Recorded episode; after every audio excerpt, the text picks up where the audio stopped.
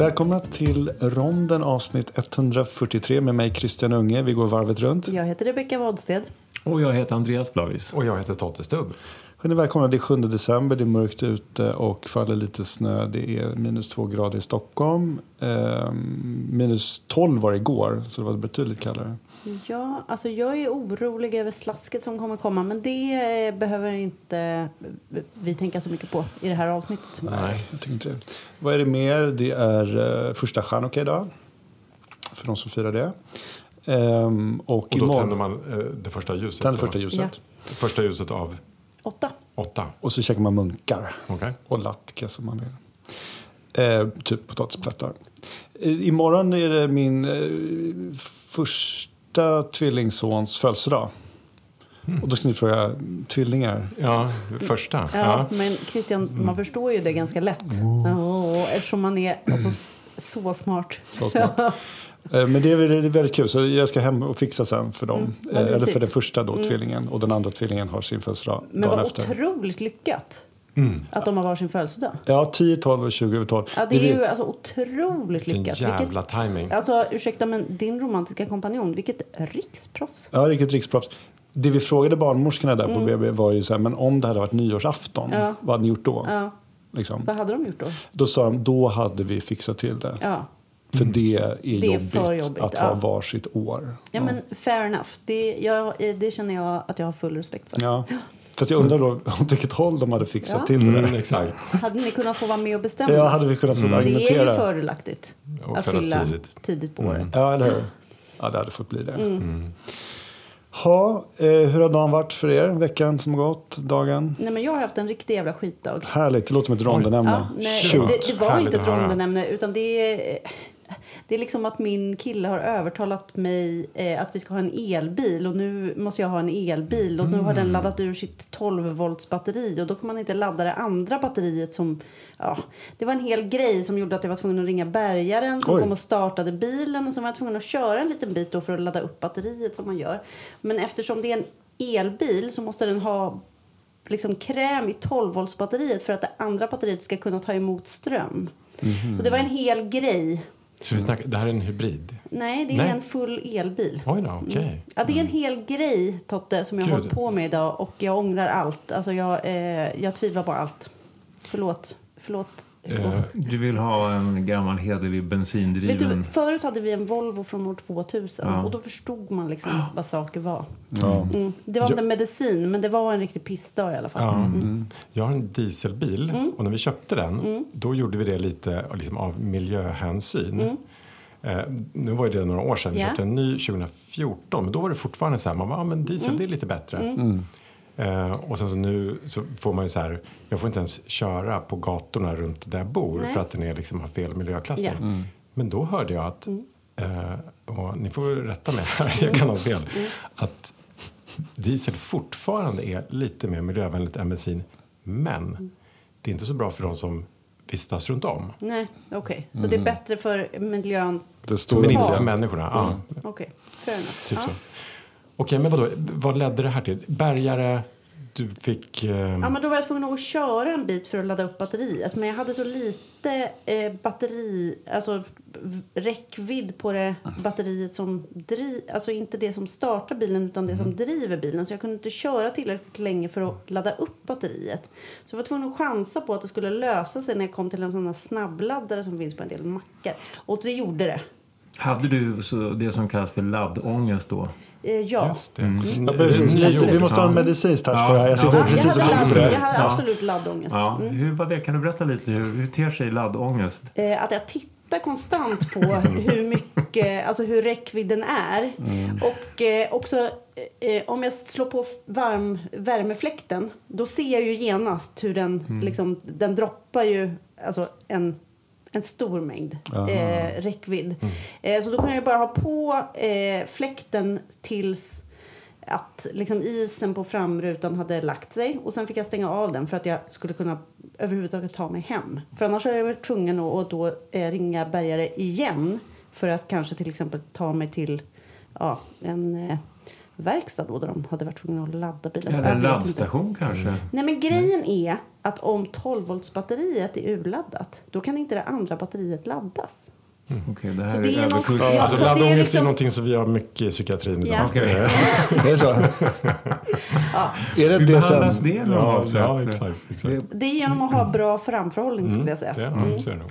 Eh, men jag, eh, sammanfattningsvis är det en hel grej och eh, nu har jag löst det och vi kan lämna det bakom Nej, men jag, jag är inte riktigt... Jag vill bara... Okej, mm. Du kan alltså inte lösa det här problemet genom att koppla upp det mot en laddstation, utan du måste köra.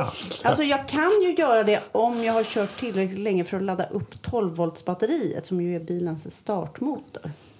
Så om det har tillräckligt med ström, eller jag vet inte hur elektricitet fungerar, eh, men i alla fall. Om det finns tillräckligt med material där i, då kan det andra batteriet ta emot laddning. Men om det inte har tillräckligt mycket, då dör allt. Hörni, nu har jag zoomat ut. Nu Ja. tar vi Och någon det- jag, tror, medicin jag tror att istället. vi fortsätter med diesel, va? jag har ju ingen bil, så att Jag är vill ändå sammanfattningsvis säga att det var en hel grej. Ja, Mm. ja. Hörrni, förra veckan så snackade vi om ehm, vilka man skulle käka middag med. Just det. Kommer du ihåg det? Rebecka, du var inte med. Vem skulle du vilja käka med? Det är En medicinsk in- person. Ingen. Ingen av oss i alla fall. Absolut inte. Okej.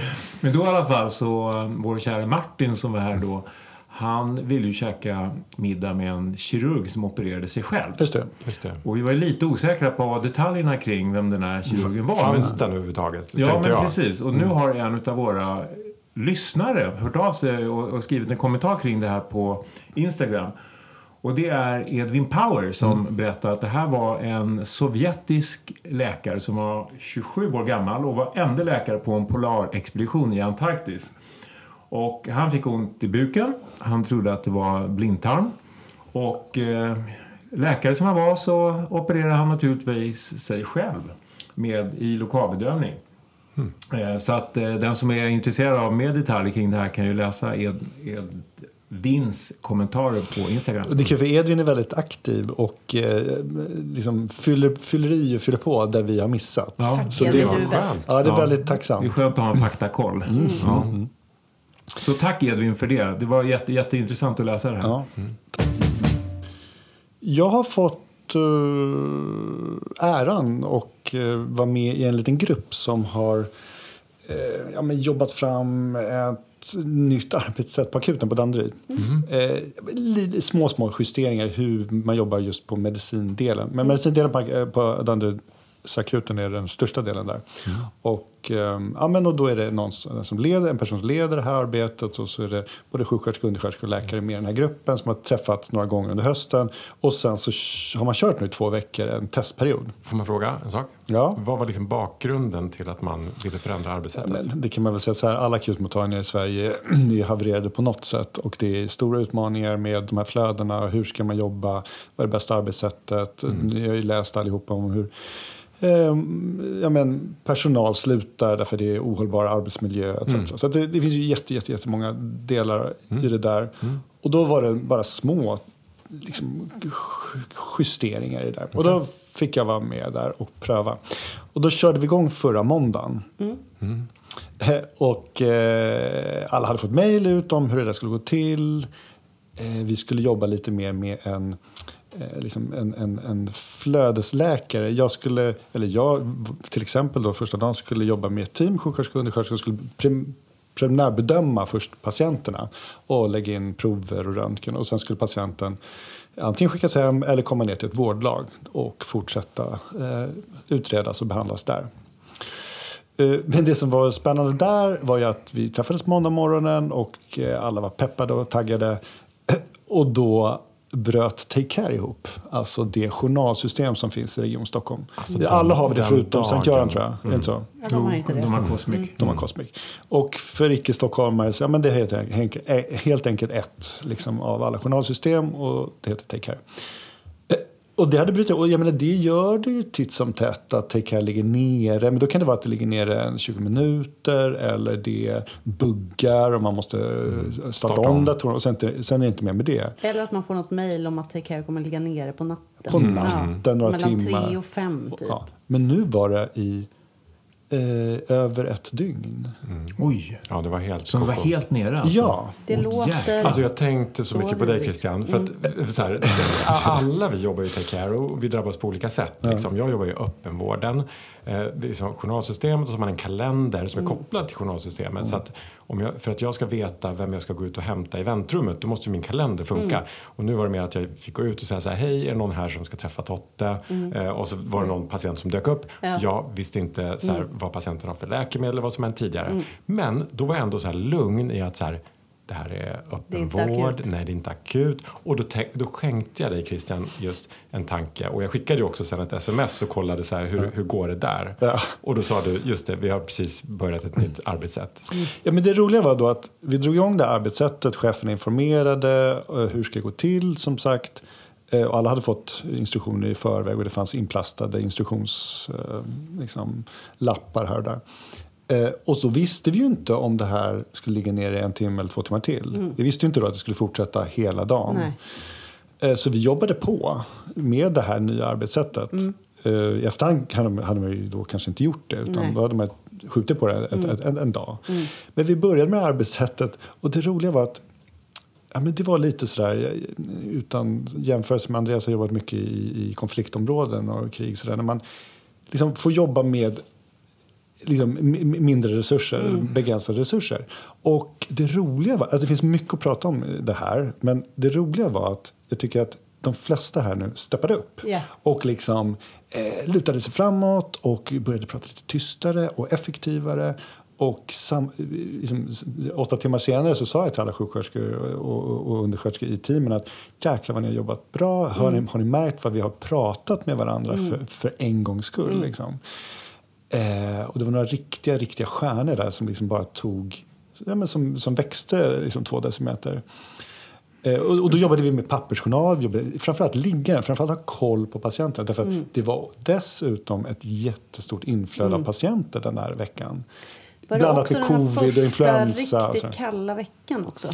Ja, men det var det väl kanske inte, men det, var bara, det har varit mycket patienter. Många Men har ni patienter. en pappersliggare normalt sett eller tog ni Nej. fram en? Nej, nej, då var det fram, det fanns ni pärmar. har- Hur ja. gör man när nere? tänker, en del av er krisberedskap är väl just att övergå till pappersrutiner? Ja, men då gjorde vi det. Ja, det fanns en menar Så kris. ni hade ju en beredskap för det här? Det fanns en jättefin Ja, beredskap. ja. Tjup, tjup, man Ja. liksom, och, och de här ledningssjuksköterskorna kom Mm. in och informerade. Så här gör vi. Så fram med liggarna. Men, Mm. jag tänkte att det var, jag vet inte, säg att det var 40-50 patienter då på eftermiddagen på medicin. Ha koll på alla de här Mm. på, i olika vårdlag, olika liggare. Och, eh, jag tror vi tappade bort en patient Mm. som vi sen hittade. Eh, så, så bara den utmaningen.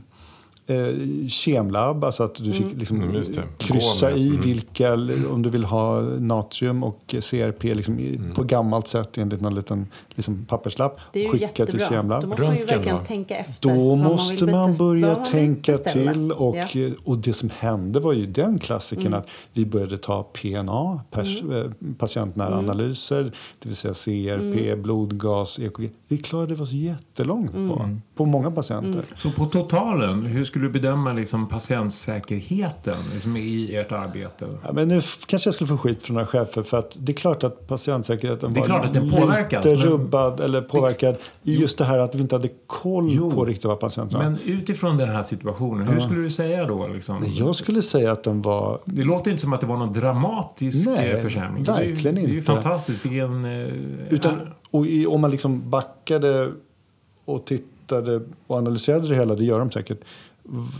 Alltså hur mycket färre onö, eller att vi inte tog så många onödiga prover. Men- men hade- och att vi... Eh, nej men, och, och, fram, och framförallt det, alltså det här arbetet, att, vi pratade och kommunicerade och jobbade effektivt. alla sitter inte och hänger framför en dator utan man, man pratar i grupp. Men hade ni liksom tillgång till läskopia? Så Ja, visste- visste nej. Nej. Eh, Men så här, läskopia betyder att liksom systemet fryses och så kan man titta på det som händer. Läkemedelslista och journalanteckningar och sånt där. I, i, vänta, hade vi det? Vi hade det liksom dag två, för det här fortsatte nästa Mm, morgon. exakt. Dag två. Mm. Då hade vi läskopia. Ja, ja, ja, det hade vi kanske, men det var på något sätt att utgångsläget var gå in, ta anamnesstatus, Mm. skriv ner på en lapp, få diktera senare. Mm. Eh, det var jättelärorikt. Jag var supertrött sen på kvällen och Mm. Alla var jag nog det. mig. Eh, jobbade kvar på kvällen. Alla fick jobba kvar och jobba över och sådär. Och... ehm, men... eh, Du jobbade, nej, du jobbade inte då? Nej, alltså jag, hade ju två, jag har haft två kliniska veckor den här terminen och det var ju precis de två veckorna innan. Mhm. Eh, så att när, när eh, du smsade ju, eller Mm. du skickade ju något i våran eh, gruppchatt och då satt ju jag med fötterna uppe och någon Mm. kaffetår. Eh, men jag tror faktiskt att, ändå att det var så att jag har rätt i att det, var, att det snöade rejält. Eh, för jag var ju två veckor på ortopeden och jag hade ju en ganska soft vecka och sen en ganska jävlig vecka eh, i början av den här kalla säsongen. Mm. Nej, men, och du Andreas, ni hade inte samma problem i Nej. Region Örebro? Nej. Där. Men, det, nej, men jag tror inte patientsäkerheten var så egentligen hotad. Och som sagt fanns många intressanta fördelar med det hela. Sen är det intressant att se stresstoleransen hos personalen. Ja. Hur vissa reagerar och börjar liksom...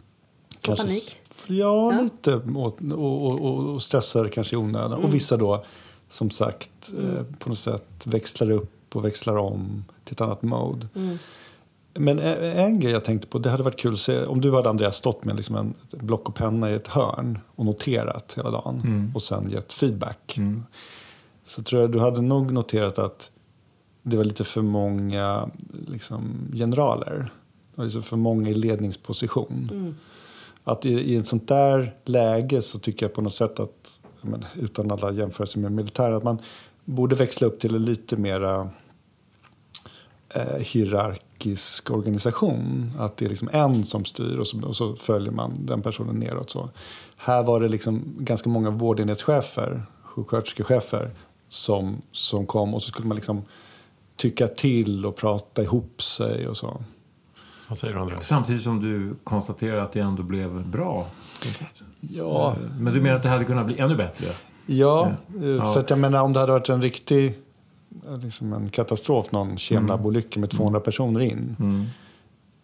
Nej, men du har ju helt rätt i det här med tempoväxling. Det är faktiskt en av mina gamla eh, käpphästar som jag brukar föreläsa om rätt mycket. Det är det här att vi i sjukvården är väldigt vana vid tempoväxling. Att vi, vi har våra, mm, vårt vanliga sätt att jobba på men sen in- inträffar en kris och då byter vi arbetssätt och så får vi en diktator som jag kallar det. liksom, en, en som får fatta liksom, de stora svåra besluten och ifrågasätts inte i det läget utan det får man ta senare när man gör en utvärdering. Eh, Men det är klart att det må, det ju, man måste ju ha ledare på lite olika nivåer. Du har en som har hela helikopterperspektivet över hela akuten och sen måste du ha folk som har liksom för kirurgen, för ortopeden och för medicin. Eh, liksom, så att du har någon form av linje. Men absolut, en tempoväxling är superviktig för att klara av de här aku- urakuta situationerna med många, många skadade eller svårt sjuka. Och det är också så viktigt, det behöver inte vara den där diktatorn som du pratar om, utan men folk lite mer då som leder arbetet, att man går runt och även om det är, det här var inte en katastrof, det är, det är att använda ordet fel, utan det här var en Ja, men en stressad kris, annorlunda kris. ja, Ja, mm. Teknikstrul. Ja. Det var det. var det. Besviken på Ja, tekniken. besviken på tekniken. Att ändå fortsätta liksom ge människor liksom lite beröm och peppa. Och, och, och jag, Det liksom, är gott ledarskap. det, var, det var en sjuksköterska, Nora, som jag tror hon jobbade dubbelpass dessutom. Och liksom, hon stod mitt i allt det här kaoset. Lite som sagt, lut, hon stod, liksom, du vet, hade dragit upp bordet och stod lutad över de här listorna. Och hon, hon, hon, hon hade liksom ett leende på läpparna hela tiden och var glasklar och liksom lite den vick, handen lite fram, gav små order sådär, men, men väldigt så här, med ett snällt leende. Eh, och höll det här liksom, maskineriet igång som, som en liten central figur där. Fantastiskt. Men jag tycker det, inspirerande. det är ju de Och det sa jag till henne. Det var det jag skulle säga. Jag, Bra, jag sa det verkligen bra, till henne Bra. eh, flera gånger. Mm. Det, det är de här situationerna som jag egentligen på ett paradoxalt sätt tycker är roligast att jobba Ja, i sjukvården. jag med. För hela teamen, teamen blir så sammansvetsade Ja. och vi har en jätteviktig, svår uppgift att lösa. Ja. Mm. Så allt det här triviala gnället, liksom, det bara försvinner. Man, det, det är otroligt roligt. Mm. eh, kanske vore bra då om, om Take Care liksom fortsätter strula lite. Här. Eller? En gång i veckan. Ja, någon gång i Ja, veckan. men man, det jag njöt, som sagt, jag har sagt nu två gånger redan, men en tredje gång, det jag njöt mycket av var att kunna säga till alla, men framförallt kanske då läkarna som skulle handlägga patienterna, nu, måste ni försöka handlägga de här patienterna lite mer på det liksom gamla sättet. Titta anamnes, status och sen ta, kanske räcker med ett CRP och blodgas. Och det kommer man jättelångt på Mm. med. Mm. Det här är ju en bra övning för, för dåliga tider. Liksom, eh, det, var en ofrivillig övning men det låter som att ni fixar det bra. Det jag tror Ja. ligger här lite i bakgrunden det är ju att många av de här människorna har jobbat inom covid, eller under covid. Mm, exakt. Och den tror jag har gett mycket självförtroende i det här. Att man är van vid att liksom ställa om Mm. Ja, nu. Och, och, och lita på sin kliniska blick. ja, Mm. jag tror covid, där har covid gett något positivt. Tack covid. Får man säga någon Mm. negativ grej kring det här Ja, då? det måste man väl. Liksom punkt, punkt, punkt. Det är Ja, det måste man verkligen jätteviktigt säga. att ha en balanserad... Ja. eh, Mm. Rapportering. Ja. Ja, men för då kommer vi till en grej. Som jag, och det är kanske till Andreas som chef här. Liksom att I dessa pressade tider eh, när vi har mycket att göra i, inom sjukvården. Alla de här utvärderingarna som sen ska ske av allt. Liksom. Menar du efter en sån här incident? Till eller? exempel efter mm. incident. För då vet jag liksom att det var någon, några chefer som, som gick runt och ville ha och det gällde förresten hela veckan sen när vi fortsatte med det här testet. För det här testet som vi fortsatte med sen, nya arbetssättet, det var många utmaningar med det och det fort, de utmaningarna fortsatte. Och det var inte förrän för, framåt fredagen som jag tyckte det, vi satte det. Och jag var väldigt trött på fredagskvällen. Men, men då var det liksom, eh, ja men någon chef där som, som ville att vi skulle ta post-it-lappar och skriva för och nackdelar och våra intryck hela tiden. Och, och flera av de här cheferna kom under veckan och frågade hur går det, hur går? Och så ändrade vi och justerade och sådär. Du pratar inte nu om take care-krisen utan Nej. det, nya Ja, arbetssättet. jag pratar både och. För det var första dagen, vi började med liksom de här tror jag, lapparna och utvärdering och sånt. där. Och de, då, liksom vid något där tillfälle så sa jag till en av de här cheferna att alltså jag gör allt jag kan för att det här nu ska rulla på. Uh, det här var sen under veckan. Jag kan inte skriva för och nackdelar på en Och post-it jag känner, jag känner så här, jag, jag kom, det, nej, jag kommer inte mäkta med det. Nej. Det kommer jag inte göra. Nej. Nej, men så här då, Christian, det, det är ju viktigt att det här att det utvärderas. Är- Blev det bättre äh, än det gamla? Så hur skulle du tycka att man borde utvärdera dem? Eh, Jag förstår din frustration med Viktig och relevant fråga, Ja. Andreas. Men Ja, men, och, och jag ska väl ärligt säga, jag, jag förstår det du säger att det bör utvärderas. Men frågan är när kanske. Eh, Jag kanske då skulle behöva, eh, nu, i den bästa världen skulle jag behöva gå en timme tidigare och, och sätta mig i lugn och ro och få en admin-timme och utvärdera det här. Nu, det är lite tillspetsat. Men, men, men det är ju det som vi åläggs många av de här grejerna utöver vårt arbete. Det vill säga, kan du stanna kvar och göra det här? Eller skriv den här eh, avvikelsen. Avvikelsen. För, Chefer vill ha avvikelse, hela tiden, för det är mätbart. Eh, och jag är ledsen att säga här i podden, men jag skriver inte avvikelse för jag hinner inte med det. Jag, jag, jag prioriterar inte att göra det. Därför att det är ty, så, typiskt läkare. Och det är ju så här då, skriver du inte en avvikelse, då har det inte hänt. exakt. Nej. Och då Jag skrev betyder, en, och det är eh, min problem. första Ja. Mm. avvikelse eh, bara precis här veckan. Det kan vi prata om sen. Men, men, Nej, men jag återkommer till det här, liksom, om du, jag förstår frustrationen men eh, ur ledningens synvinkel, de, de är, det är jätteviktigt för dem att utvärdera det här nya arbetssättet. Mm. Så då frågar jag dig som medarbetare där, liksom, hur skulle du vilja hjälpa ledningen att utvärdera? Blev det bättre? ju Jag- jag behöver tid han- för det. Ja, ja, men tid, du vill ha tid. Ja, men för att Ja, om, ja, det nu är ja. vikt, om det här nu är Ja, viktigt, en viktig del Ja. av Christians arbetsdag, att han ska utvärdera arbetssätt eller skriva Ja. avvikelser och sånt där, då måste man ju skapa eh, möjligheter för Christian Ja. att göra Ja. det. därför att, det Och då kan vi göra på olika sätt. Man kan göra post-it-lappar, man kan göra eh, en göra- enkät, liksom, Survey Monkey. Bara eller- jag får lite lugn Ja, och gör det. För ja. att det åläggs liksom mig utöver... För att på liksom lite då, när man är i ledningsposition, överläkare, Mm. ska leda. Då ska man göra det.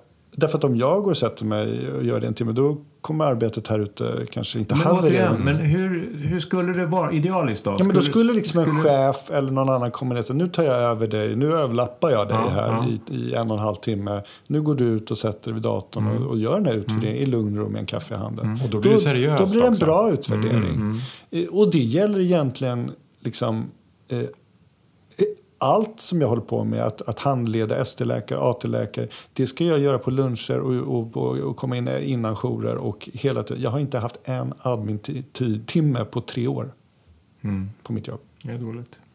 Ja, men och nu kanske någon chef hör och, men, men, så det, det det här, är väl någonting som, det här genomsyrar ju, tänker jag, liksom rätt mycket av liksom svensk sjukvård. Att det är ganska så här, ja, men det är väldigt pressat liksom. Mm. Och, och eh, jag förstår också så här, det är klart att man vill ha utvärdering, det är klart man vill veta och man vill ha avvikelser för de, eh, de leder ju också till en massa förbättringar. Mm. Men vad är anledningen till att folk inte skriver avvikelser? Det är ju inte att folk inte orkar. Eller? Nej, är... Jag tror att det finns flera orsaker. En kan vara att man inte vågar. En kan vara att man inte får någon återkoppling på en Det händer ju ändå mm. ingenting om man ja, skriver. Exakt, mm. Mm. Och det, en kan vara att man inte har tid. Liksom.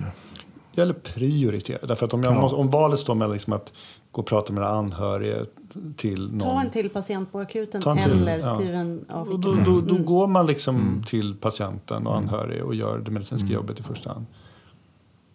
Mm. Um, men, men då bollen tillbaka till dig Andreas. Hur gör ni då på Örebro och du med dina chefer? Alltså ger ni läkarna har de admin-tid på ditt jobb? Jag kan inte svara för hela regionen. Nej, men på uh, ditt jobb? Ja. Har du gett, har du gett dem? Har du gett dem Ja, men jag är ju chef för administratörer. Dina, precis, har dina administratörer admin de, de har en hel del admin-tid, ja. har så mycket admin-tid. Ja. Kan man säga att det är 100 procent av deras admin-tid? Ja, typ. admin-tid.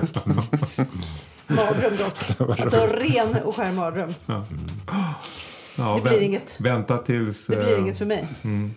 Men du måste väl också, Andreas, ha upplevt det här som när du liksom mer var liksom kliniker? Liksom. Absolut. Nej, men jag var jättekritisk mot avvikelsesystemet just därför att jag tyckte att liksom, jag, jag, personligen fick aldrig någon återkoppling på de avvikelserna. Mm. Så det kändes bara som en, en ropandes röst i öknen. Mm. mm. Just det. Eh, och då sa varför ska jag hålla på med det? De, de märker, det händer ju ändå mm. ingenting, ingen som tar till sig. Mm. Men det är för, äntligen, sorgligt nog är det först nu som jag har förstått att det, det, där, det händer ju visst saker. Man mm. tittar ju noggrant på det här och det mm, analyseras mm, och det kopplas ihop med andra avvikelser. Och, Även om inte du fick nej, men eh, precis. Liksom återkoppling men, men pedagogiskt är det uruselt att inte den enskilde medarbetaren får eh, person. Nu har vi tagit emot din, eh, nu har vi gjort det här. Det har lett till det här. Liksom, det kan inte vara så svårt att bygga upp IT-system som ger medarbetarna den återkopplingen. Det kan man tycka. Sen eh, används ju avvikelser som ibland ett lite olyckligt sätt att folk håller på, eller olika kliniker, avdelningar, personalgrupper håller på att kriga med varandra med hjälp av avvikelser. Liksom. Mm. Ja, men om läkaren mm. rondar fem minuter sent, nu överdriver jag lite, mm. då, ja, men jag skriver en avvikelse. Mm. Här har vi stått och väntat på läkaren. Liksom. Mm. Och, och, och sådana där det är, ju, det är ju rätt värdelöst. Men... Mm. Jag, tycker, för jag skriver en del avvikelser mm. Eh, och då oftast liksom inom citat på mig själv. Mm. mm. Bra, liksom, det är ja, nej, men det, men det, och det är liksom mm. vår rutin. Mm. Så att om någon av mina patienter som jag är ansvarig för till exempel gör ett suicidförsök, mm. då skriver jag en avvikelse på mig själv. Och, och vi har faktiskt ett, ett eh, digitalt system som är bra på det här sättet. Mm. Eh, dels så, så, har jag nog andra förutsättningar så jag har tid faktiskt att skriva avvikelser liksom när det behövs.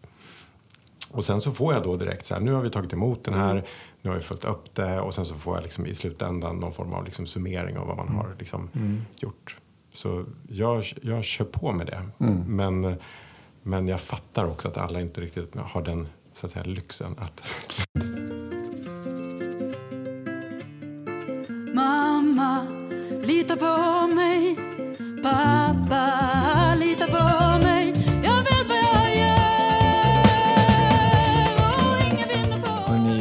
Jag skulle vilja fråga er, mm. vem var Carolina Widerström? Wider. Är det första Höjdhopp. svenska kvinnliga läkaren? Bra. Är jag en tjej? Du sa höjdhopp, ja. Christian. Ja. Du gissade. Det gjorde du inte. Där kör vi vidare. Ja. ja, men det är bra. Fem poäng till uh, dig då, Rebecka. Hashtag genus. Ja, nu kommer nästa fråga. Mm. Nästa fråga. Ja. Vem var Nanna Schwarz. Eh, det enda jag vet är att det finns en Exakt. sal upp, eh, som heter som Nanna Schwarz. Ja, ja men, men det räcker inte. Var det um, mag... Uh, nej. En Någon var Nej, utan jag tänker på så här Asakol eller något sånt där. Nej. Någon var ju svensk forskare. Ja. Och, men nog inte svensk Nobelpristagare. Men... Uh, Ja, men det är bra. Ni, ni är på rätt spår. Du är Sveriges första kvinnliga professor, vid en Professor. statlig Ah, högskola. läsa.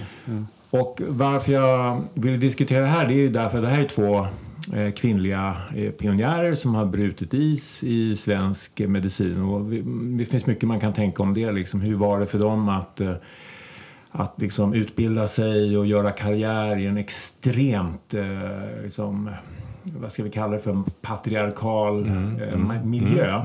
Men, och det är klart att, så att vad vi lär oss av det är att på den tiden så fanns det väldigt få eh, kvinnliga läkare. Det blev fler och fler. Och när jag pluggade då, då var ju till exempel en överväldigande majoritet av alla gynekologer män. Idag så tror jag att eh, manliga gynekologer är en väldigt, väldigt liten minoritet. Och det jag ville diskutera med er och fråga er om det är liksom, vad är det som, eh, vad är det som påverkar könsfördelningen inom olika Specialiteter. specialiteter? Ju Från början var det ju att det fanns ju bara män, så att all, allting var Ja, män. Liksom. Men nu är det ju åtminstone, det är väl nära 50-50 tror jag. På Eh, utbildningen är ju fler kvinnor. Fler kvinnor Ja, på men jag tror totalt sett inom eh, läkarkåren Ja, att det, det ännu börjar närma det sig inte- 50-50. Ännu har det inte spillt över till Nej. mer kvinnor. Nej, men det är inte långt ifrån. Nej, men precis. Om Kommer. man tittar på juniora läkare så är det ju Ja. fler kvinnor. Så exakt. vad är det som gör då att, eh, till exempel, om vi tar gynekologer som exempel, att det, nu är det liksom nästan inga män som väljer Ja, vad är det som gör att kulturen ändras? Ja, ja, Eh, precis. jo men precis, för förr i tiden så var ju, då var det inte på grund av kultur utan då var det på grund av ett snävt urval. Exakt. Och varför har kulturen då ändrats till Ja. att det är en kvinnospecialitet? precis. Eh, och inom liksom, kvinnosjukvård är det kanske inte jättesvårt att förstå att kvinnor intresserar sig för eh, kvinnosjukvård. Nej, men samtidigt som gynekologi och obstetrik är en otroligt intressant eh, Absolut. specialitet. Den är så bred. Ja, liksom, ju- du har obstetriken, du har tumör, Ja. Jo, det är både medicin och kirurgi, eh, eh, endokrinologi, ungdomsmedicin. Absolut, det finns ju allt. mycket. Ja. Eh, men finns det någon annan specialitet Men som är väldigt kvinnodominerad som inte är kvinnosjukvård? Ja, Men motsvarigheten till eh, kvi- eh, gynekologi, Menar du obstetrik. Ma- mansgyn? Ja men, ja, men det skulle vara urologi. Ja. Mm. Att det bara skulle vara män då. Men det är det ju inte. Jag menar, Nej, det är, det är ju många kvinnliga urologer nu. Mm. Ehm, Finns det någon annan specialitet som har övervägande kvinnliga förutom gyn. specialister? Förutom gyn? Jag, Uh, Kan det fortfarande liksom finnas ett element eh, liksom, av att så här, män i hög grad väljer liksom, eh, specialiteter där man kan gå mycket jourer och liksom så. Eh, Men det är en intressant, det är en intressant tanke. Men det tycker inte jag verkar Nej, stämma. för jag- jag tänker för, så här- gy- för narkos... Gyn är ju väldigt... Jag vet. Och narkos till exempel. Ja. Jag vet, men jag tänker så här, och då, och då kanske inte blir liksom, alltså antingen, antingen så är det, så är det det Mm. som liksom driver en i olika riktningar. Eller så kan det vara så här, är du gynekolog då har du också ganska goda möjligheter att arbeta i öppenvård. Mm. Liksom, du behöver inte jobba på sjukhus och gå Precis. jourer. Och, eh, så att då kanske man väljer jour, eller liksom specialiteter där det finns liksom en flexibilitet i arbetstider då. Eh, Alltså jag tänker att så här, fortfarande så tror jag att det spelar in. Jo, för, att, för att det är ju alltså, det är ju fortfarande långt färre män som tar ut föräldradagar jämfört Mm. med kvinnor och så vidare. Så att det, det finns säkert sådana Det är en poäng, men jag tror, jag tror att det går mer och mer åt att... Liksom, jag, jag ser bara till exempel på Danderyd på medicinkliniken där. Den är väldigt kvinnodominerad. Jag tror att det är mer också att det är mm, några starka kvinnor som har jobbat där i väldigt många år och varit förebilder för andra kvinnor som har då sökt sig dit och dragit sig dit. Att det liksom är en kulturell Det är- grej inom Ja, specifika kliniker. Ja, men jag, jag bara tänker, nu bara resonerar jag högt, att det jag ser där är ju det är endokrin, det är eh, lungmedicin, eh, ja, men de subs, internmedicinska subspecialiteterna. Och där är det ju flest kvinnor. Och de... Och det verkar, nu har jag kommit liksom bara in här de senaste tre åren, men det verkar vara väldigt starka och duktiga kvinnliga förebilder där. Som, som, som, och då tror jag liksom att de har attraherat andra yngre kvinnor dit. Eh, jag bara tänker på medicinkliniken på SÖS. Den tror jag har varit mer mansdominerad. Eh, tror jag. Jag kom på några specialiteter som jag tror är Ja. mer kvinnodominerade idag. Och det är geriatrik. Mm. Just det. Ehm, Varför skulle det vara det då? Alltså bara att du har noterat att Ja, det det, jag har bara Ja, har ja, ingen, ja. Nej, men jag- analys bakom. Sen Nej. primärvård och onkologi. Mm. Ja, ni? onkologi känner jag och eh, geriatrik känner jag alltså bara då utan att ha gjort någon research överhuvudtaget att jag känner att det skulle kunna stämma. Mm. Ja, men det är samma för mig. Eh, och allmänmedicin vet jag inte. Eller jag har ingen känsla för det. Men, men, Det skulle vara ganska ja. enkelt att, att kolla Och- i absolut. statistiken. Eller hur? Men För onkologi vi det- vet jag inte alls om det stämmer. ja, men precis. Nej, men, eh, tror ni inte det är lite mer från klinik till klinik? Jo, men jag, jag, Jag tror inte det är köper det, ganska mycket när du säger det du säger. Att det liksom Ja. finns... Eh, alltså jag menar att, att, eh, att man väljer en klinik utifrån den... Och jag menar det är ju oberoende av kön. Att Mm. man väljer en klinik utifrån en liksom, klinikkultur som man Kulturen. tycker är Jo, nice. det tror jag också. Ja. Men sen, jag tycker ändå så här, det finns några så här bastioner Mm. där jag tänker att om, om, för att kunna slå sig in där som kvinna så Mm. har man eh, lite mer uppförsbacke Ja. än, än i Jo, andra jo, specialiteter. så är det Ja. ju naturligtvis. Och där tänker jag, en sån är just, eh, och det här kanske, där är också, nu går jag på liksom magkänsla Mm. och inte på statistik, men kärlkirurgi tänker jag är en otroligt manlig special, det liksom subspecialitet. Det finns ju två mer manliga i sådana fall. Thorax och neurokirurgi. Exakt. Ja, jag säger. exakt. exakt. Alltså, de är väl Inte toppen, ortopedi topp. längre. Nej. För det var, Nej. men det Nej. var väl det Nej. tidigare kan man tänka sig. Ja, men det är nog bara två riktiga såna här mansbastioner som du pratar om. Det är väl thorax, Så thorax, och neuro och kärl. Jag hittade här en artikel i Läkartidningen Mm. eh, från 2018. Och där står det att... Eh, nej, 2000, nej, senare. 2019. Nej, För långt 2018. senare. Det är väldigt 48 viktigt. Lyssna nu. Det är väldigt viktigt där. Är det 2018? Mm. Inte? 2018 då var 48 procent av de sysselsatta läkarna i Sverige kvinnor. Så det är 50-50 Ja. idag. Eh, och sen säger de här att eh, i de kirurgiska specialiteterna är kvinnorna fortfarande få. Bland de yrkesverksamma kärlkirurgerna som ni pratade om nyss Ja. så var bara 13 procent Ja. kvinnor. Mm. 2000. Så min hunch eh, Ja. stämde lite. Ja, precis. Så vad gör du åt det Andreas? Nej, nej, jag, jag, jag gör ingenting. Jag bara funderar på Alltså, nej, jag vad jag ville diskutera med. Vad Ja. är det som Nej, men det är gör jättespännande. att- Det är jättebra. att, Kärlkirurgi är en fantastiskt eh, rolig specialitet. Liksom, eh, svår, Men det kan ju... krävande, Ja, men- eh, långa arbetsdagar, mycket reoperationer. Men- man är men allt det där. mycket. När jag tänker då, jag som inte har valt Mm. specialitet ännu, och även är, pratar jag nu i egenskap av kvinna eller bara i egenskap av mig själv? Det eh, får man Det får vi se. på. Eh, men då tänker jag ju verkligen jättemycket på det som Christian pratar om nu och det är ju liksom eh, hur väl man trivs på en arbetsplats. Alltså en, en kultur på en arbetsplats, ett, liksom ett eh, klimat på, alltså är det typ trevliga kollegor? Tycker man att det är liksom, är det nice att gå till jobbet eller inte? Det. Eh, och det har väl dels att göra med att jag är gammal typ och värdesätter det.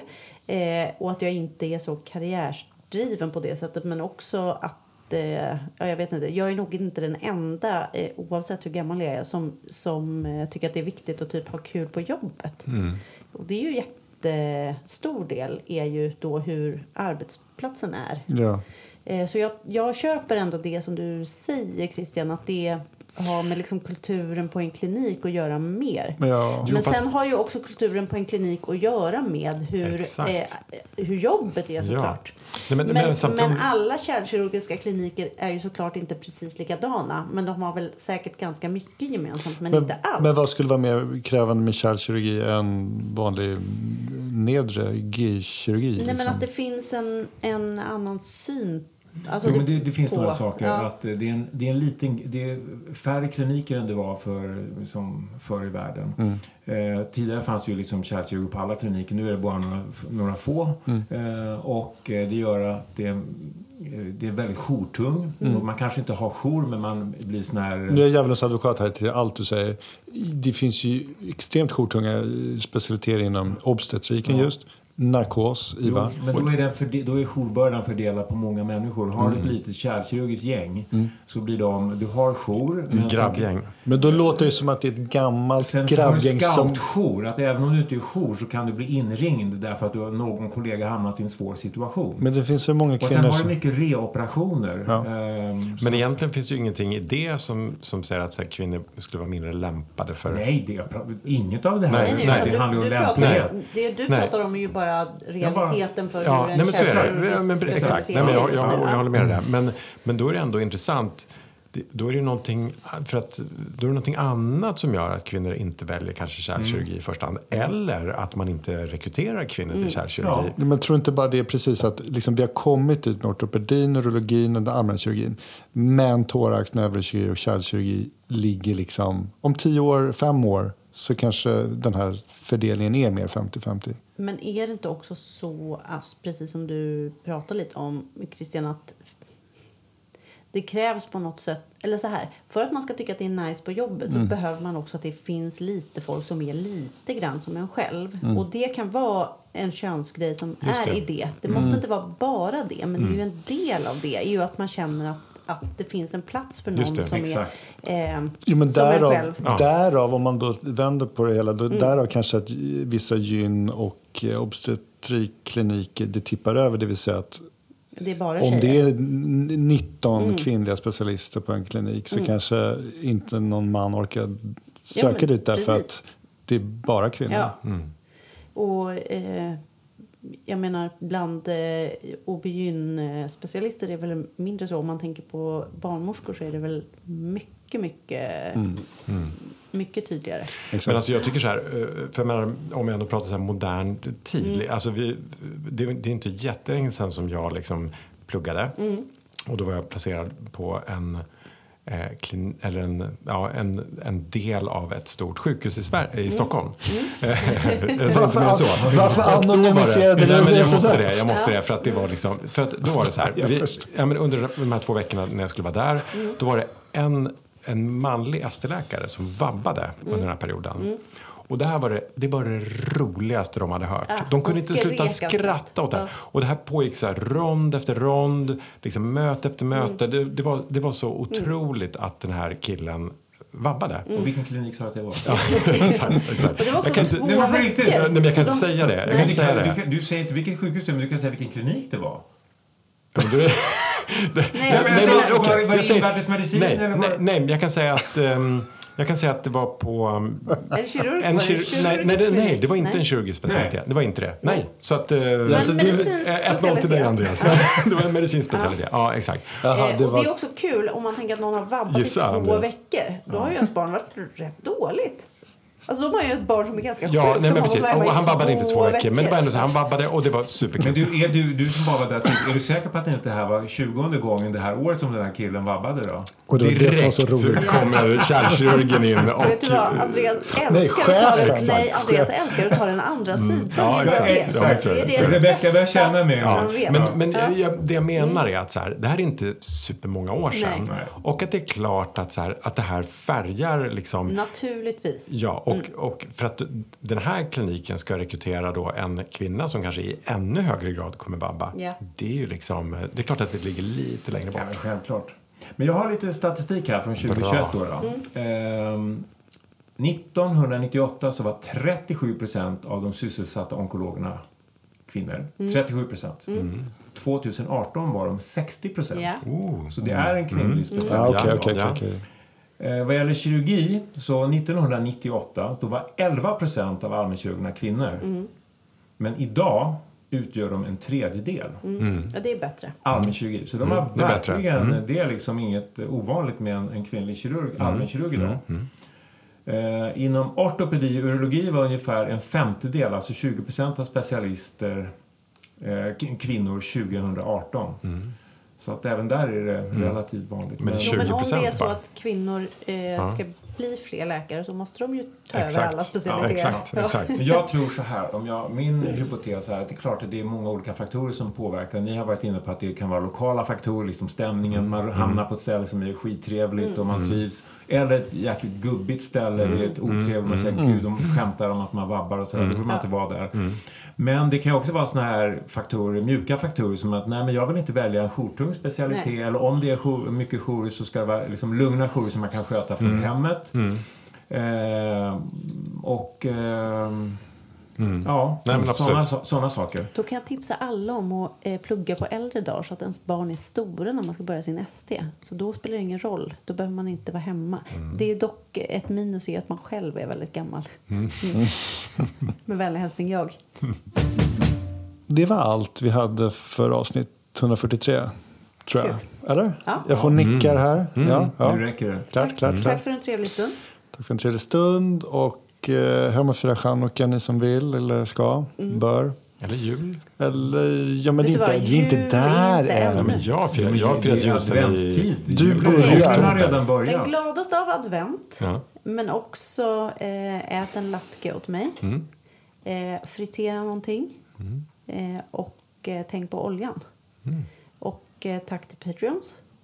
Det Verkligen. varmaste. Ja, Och vad kul det var idag. ja, absolut. Jag, eh, jag saknade er eh, de senaste två veckorna. Och vi saknar Vi det Och jag saknade även mig själv när jag lyssnade på avsnittet.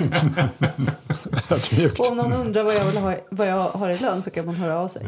Ja, det, är det en Patreon? Det kan, men eh, jag har inga problem att säga det. Okay. Hörni, vi ses. Det gör vi. Hej.